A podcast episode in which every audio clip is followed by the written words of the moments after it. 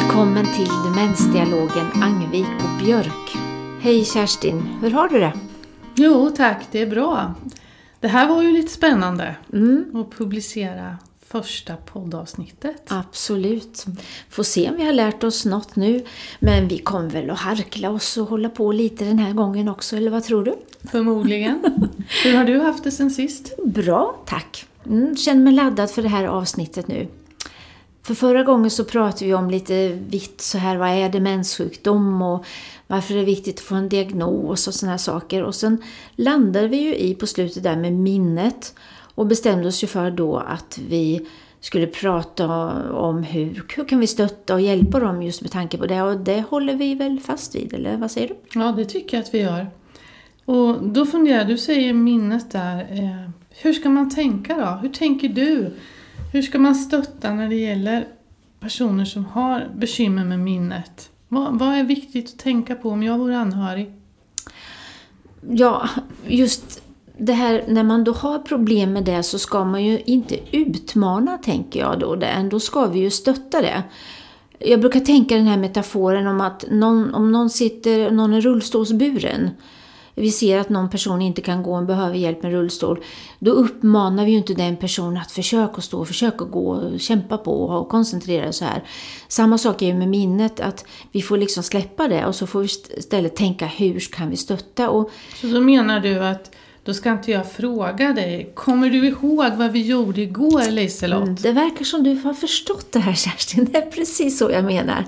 Alltså, Jag tänker en sån där grundregel är på något sätt att berätta istället för att fråga. För det är ju väldigt lätt att man hamnar i det där, kommer du ihåg vad jag heter? Och jag tänker, alltså bara för att vi ska sätta oss in i den känslan, vi som ja, ändå får kalla oss friska. Mm. Har du varit med om någon gång att du har stått någonstans, du har mött någon som börjar prata med dig precis som om ni har träffats massor med gånger? Det Och vem sjutton är människan? Mm. Och så pinsamt och jobbigt det här känns. Vet du, jag, nu, när du berättade det så kommer jag ihåg jag var i höstas här i Linköping på en seniormässa. Och då kommer det fram en kvinna till mig och så säger hon, du heter Liselott. Mm, så det heter jag. Och så börjar hon berätta var jag har gått i skolan och var jag kommer ifrån och jag har ingen aning om vem hon är. Men jag kunde ju bara hålla kom in, ja men visst, ja, men det stämmer precis och, och du nu igen då liksom. Men jag gick ju i parallellklassen och så här va. Men hon räddade ju mitt ansikte tack vare att hon berättade för mig istället för att fråga. Mm. Mm. Och den här känslan som du ändå fick lite av, även om hon räddade dig som du säger, Mm. Den har de som har en demenssjukdom väldigt ofta, tänker jag. Absolut. När jag kom hem från den här mässan så var det så att jag gick hem och så tittade jag i mina gamla fotoalbum och letade upp skolfotona från den här tiden. Och då kom jag ju helt plötsligt på vem den här kvinnan var. Så det är ju ett tips, att bilder kan ju hjälpa en person att minnas. Mm. Mm. Absolut. Och det du har sagt nu handlar alltså om, alltså vi kan hjälpa till med bilder för att man ska minnas och vi ska hjälpa till att berätta istället för att ställa för mycket frågor. Mm. Behöver vi förklara något mer? Vad, vad menar vi egentligen med att berätta istället för att fråga? Kanske. Hur tänker du? Ja, jag tänker så här att om jag nu träffar dig på stan så, eller om jag hälsar på någon som har en demenssjukdom, att även om jag har känt den här personen i många, många år, att jag faktiskt alltid berättar vem jag är. Talar om, hej, det är Liselott som kommer att hälsa på dig och kanske till och med om det skulle ha varit min mamma, att säga det är din dotter som är här. Eh, jag såg att du har ätit köttbullar idag mamma, smakade det gott? Och sen såg jag att ni har varit ute och gått och det här och förra gången jag var hos dig då gjorde vi ju det här och det här och så. Det är vad jag tänker i att berätta istället för att fråga. Eller har du någon annan tanke? Nej, det har jag inte. Och var såg du köttbullarna och var såg du... Har du några tankar i det och tips i det? Ja, då är det ju faktiskt att vara lite förberedd när man träffar någon då så att man har lite koll på vad har personen gjort och vad är jag intresserad av. För annars blir det det här motsatta igen att man blir den här som förhör. Vad har du ätit idag? Vad har du gjort idag? Och så. Och då är det ju lätt att de här försvaren träder in och det blir bara jobbigt när jag känner mig blottad att jag minns inte och så då. Så tänk efter. Alltså många gånger så är det ju så att vi så, är så snabba med de här frågorna. Det ingår i vårt sociala spel. Ibland kanske vi vet men vi ställer ändå frågorna. Men just i de här mötena med personer som har en demenssjukdom så tänker jag att man ska tänka sig för alla frågor man ställer. Mm. Klokt. Vad tänker du på Kerstin när det gäller det här? Ja, alltså jag tänker att det som är otroligt viktigt när vi pratar om personer som har en demenssjukdom är att vi verkligen tar saker långsamt. För jag vet ju med mig själv att jag kan ha lite för snabbt ibland. Mm. Från att jag säger en sak till att invänta det här svaret mm. som jag faktiskt måste invänta.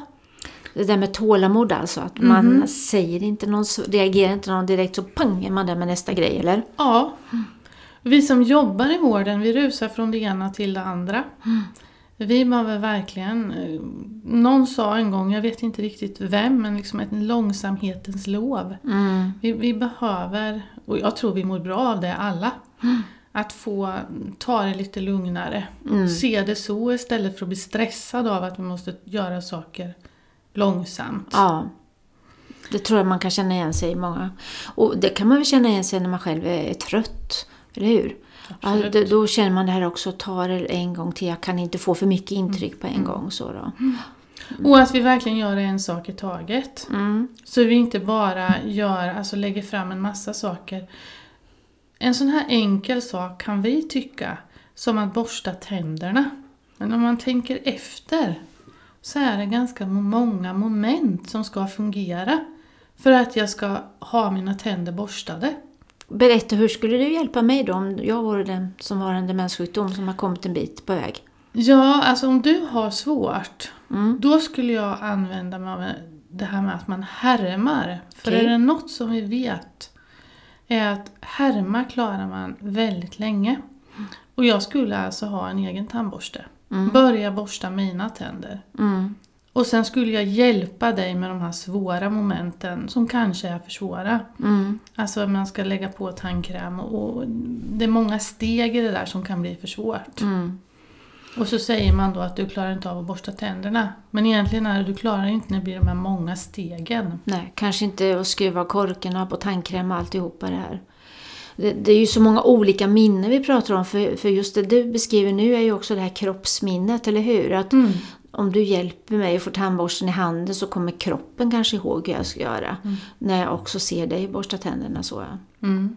mm. Och många gånger har den som är sjuk en strategi för att klara sånt här. Mm. När man har svårt med minnet. Och jag minns en person som du har berättat om mm. som har satt sig i mitt minne. och det, för det var så att, hem, jag tror att du ska få berätta det själv, men bara för att hjälpa dig på traven lite så var det hemtjänst som kom hem och hittade kläder på golvet hos ja, en person precis. som var väldigt noggrann av sig. Då vet jag vad du tänker på. Precis. Eh, det var en kvinna jag träffade som, precis som du säger, vi visste att hon var jättenoga med sina kläder och sitt yttre och noggrann i hemmet och så. Eh, hon skulle börja ta hjälp av hemtjänst och, och uttryckte till oss att det var så jobbigt för hon var tvungen att gå upp så tidigt nu. Och Hemtjänsten skulle egentligen inte hjälpa henne med någonting mer än att följa henne till ett ställe till ett annat. Hon klädde sig själv och fixade allt det här. Men hon hade också de här språkproblemen som vi pratade om.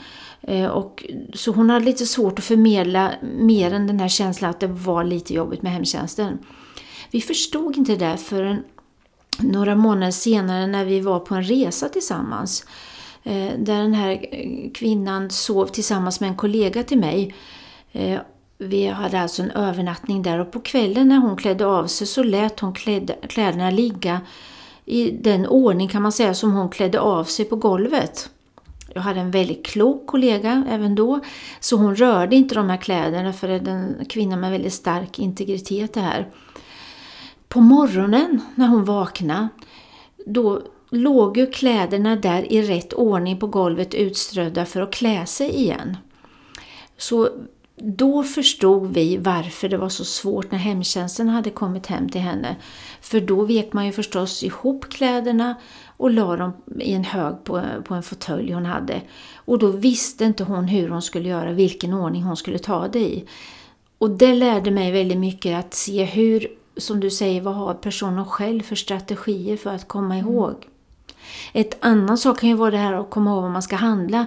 Allt som är slut och tomt, tomma kartonger får stå framme på diskbänken. För då vet jag vad som är slut. Så inte vi vän av ordning ska städa undan alltihopa det där. Det innebär att vi som personal, som anhöriga, som de som finns runt omkring måste lära oss vad varje person har för egen strategi Mm. för att klara sin sjukdom. Precis. Och inte ändra dem till vår strategi. Nej, en följa istället så. Ja. Mm. Du pratar om bilder också. Ja. Och jag tänker att det är viktigt när vi pratar om den språkliga förmågan också. Mm. Hur då menar du? Jo, alltså om den språkliga förmågan, framförallt när det gäller att förstå, börjar bli svår, eller också uttrycka sig, för då kan man ju inte riktigt förmedla vad det är man vill. Nej. Men då kan vi hjälpa till med bilder och sätta en person i rätt situation. För ibland är det ju så att vi är väldigt abstrakta när Mm. vi pratar. Mm. Jag träffar många anhöriga som säger att man vill inte, eller personalen går inte ut för den som är sjuk vill inte följa med. Nej. Jag träffar mycket personal som säger att de inte vill gå ut. Mm. Och ibland är det ju naturligtvis så att man inte vill gå ut. Mm. Men ibland är det ju också så att det kan handla om att det här är väldigt abstrakt. Mm. Säg att du och jag sitter och fikar och så börjar jag prata om att gå ut. Då är det väldigt abstrakt. Mm. Det är ingen idé att prata om det förrän vi har fikat färdigt, tänker jag. Mm. Förrän vi har dukat av och kanske till och med hämtat våra jackor. Mm. Då, Kan, Kanske till och med tagit fram en bild och tittat på när vi brukar vara ute och gå, Mm. hur det ser ut. Nej, det, det tror jag är jätteviktigt att förstå det här att när vi pratar om någonting, vi målar upp en bild, något vi ska göra. Eh, vi ska åka till det fantastiska kaféet här borta som har de här fina semlorna och så. Att det kommer upp bilder i huvudet på oss då. Eh, på olika kaféer kanske olika semlor, men bilder kommer upp, men det gör det inte alltid på en person som har en demenssjukdom då. Och då kan ju bilderna verkligen vara till hjälp där för att förstå vad är det vi pratar om egentligen. så. Mm. Mm. Och en, en hjälp att få någon att säga ja. För jag möter också, jag vet inte om du gör det, man pratar mycket om det här med självbestämmande. Ja, Och när någon säger nej till vad det än kan vara. Mm. Eh, ja, hur tänker du med det? Jag tänker så här, om du inte vet vad Blatcheton Paton betyder, skulle du säga ja eller nej till det då? Då skulle jag säga nej. Mm. Det är ganska logiskt, eller hur? Mm. Det vi, inte kan, det vi inte känner till och det vi inte förstår, det säger vi nej till. Och det är ju som sagt ett sätt att skydda oss då. Eh, Jag tänker att vi måste eh, liksom tänka vad står nej för? Mm. Vet, först och främst det vi har pratat om nu, vet personen vad det är vi ska göra? Eh, Sen också ibland så är det jobbigt att ta de här besluten. Det kan jag tycka om allt möjligt i mitt eget liv. så. Om jag ser att en person mår väldigt gott av att komma ut, jag vet av erfarenhet, då kanske jag inte heller ska fråga så mycket om det. än Jag ska vara väldigt övertygande själv att nu gör vi det här. Eh, För att då kanske jag hjälper personen att komma över det här. Det är jobbigt att ta beslut om jag ska göra eller inte göra och vet jag då inte vad det är så som sagt då kanske nej istället står för att jag vågar inte, jag förstår inte. Vi har pratat om lite olika minnesfunktioner eller olika minnen kan man säga nu då. Eh, En fråga som jag får ibland är det här att är det egentligen någon idé att hitta på några trevliga saker med någon som glömmer väldigt fort? Är det någon mening med att jag kommer hälsa på? Vad skulle du svara om jag frågar dig det? Absolut. Varför då? Ja, skulle Mhm. jag svara. Berätta varför. Jo men, alltså det är ju så här att om man gör någonting som en person alltså ändå tycker om, Mm. eller som du säger tycker om när de kommer in. Mm. Eh, man stimulerar, man aktiverar hjärnan och den mår bra av det. Då är det också så att det sätter sig en god känsla. Mm. Om du tillsammans med någon har varit ute på den här underbara promenaden i solskenet så har du kvar en känsla av att du har gjort något som har varit härligt. Mm. Eh, snarare än att det har liksom, ja, du glömmer det direkt. Mm. Ja men du kanske glömmer, för när dottern kommer efter en kvart så kan svaret vara att ja, på det här stället gör man aldrig något. Men Mm. ändå infinner sig en god känsla. Mm. Och den är värd att bygga på. Så jag tänker så här väldigt mycket att när någon har det svårt av någon anledning, har symptom som gör att man inte mår bra, Mm. då ska vi bygga på de goda stunderna och försöka sätta den positiva Mm. känslan. Men tänk om man bara har tio minuter då? Då så- har man 10 minuter. Mm. Och på 10 minuter kan man ändå sätta sig ner eller ta ett varv runt huset. Man kan göra ganska mycket på det i alla fall. Mm. Ja, och det här som du säger att de där tio minuterna kanske egentligen i förlängningen blir en timme och lite till för att den där goda känslan sitter kvar. Jag har säkert precis som du mött många som har en demenssjukdom som själv skriver det där. Att numera har jag svårt att komma ihåg vad jag gjorde men jag kan känna om jag har varit med om något som känns bra eller om det är något som har varit obehagligt. Och då kan inte jag låta bli att komma till det här också att att vara sanningsenliga eller trovärdiga kanske ska säga mot en person som har demenssjukdom. För många år sedan så har det varit en föreställning om att vi kan ljuga ihop precis vilka historier som helst. Det är bara bra. Eh, Men jag skulle vilja ha en liten varningstriangel på det. Eller? Ja, och vet du vad jag skulle vilja göra då? Nej. Jag skulle nästa program, Mm. då skulle jag vilja diskutera med dig hur ska vi göra när Greta ska gå hem till mamma? Mamma har varit död i många år. Mm. Absolut, det tror jag är en viktig sak att, att prata om. Den skulle jag vilja, och då hänger det ihop med det du sa nu. Ja, absolut. Men för att avsluta det här då. Stödja minnet kan vi göra på olika sätt. Vi har sagt att berätta istället för att fråga. Använda bilder som stöd. Eh, föremål, dofter, allting så här som är till våra sinnen kan ju hjälpa till att stärka och väcka minnet. Så. Var det något mer? Tålamod sa du va? Ja, inte göra för mycket på en gång. Nej, en sak i taget. Långsamt pratar vi om också så. Du ser, jag kommer inte själv ihåg vad det var vi pratade om för en stund sedan. Ibland kan det vara bra att kunna gå tillbaka och fundera på vad var det de sa nu då, de där två. Mm. Jag tänker att vi gör något dokument som Mm. vi lägger ut på Instagram. Mm. Där vi skriver upp lite av de här viktigaste sakerna som vi tycker Lite stolpar så. och tänka på i förhållningssätt. Så gör vi. Och nästa gång så pratar vi om vad gör man när någon till exempel vill gå hem till mamma. Ja. De här bilderna hittar ni då på vårt Instagramkonto Demensdialogen. Ja, Ha det gott så hörs vi igen. ja det gör vi. Hej då! Hej!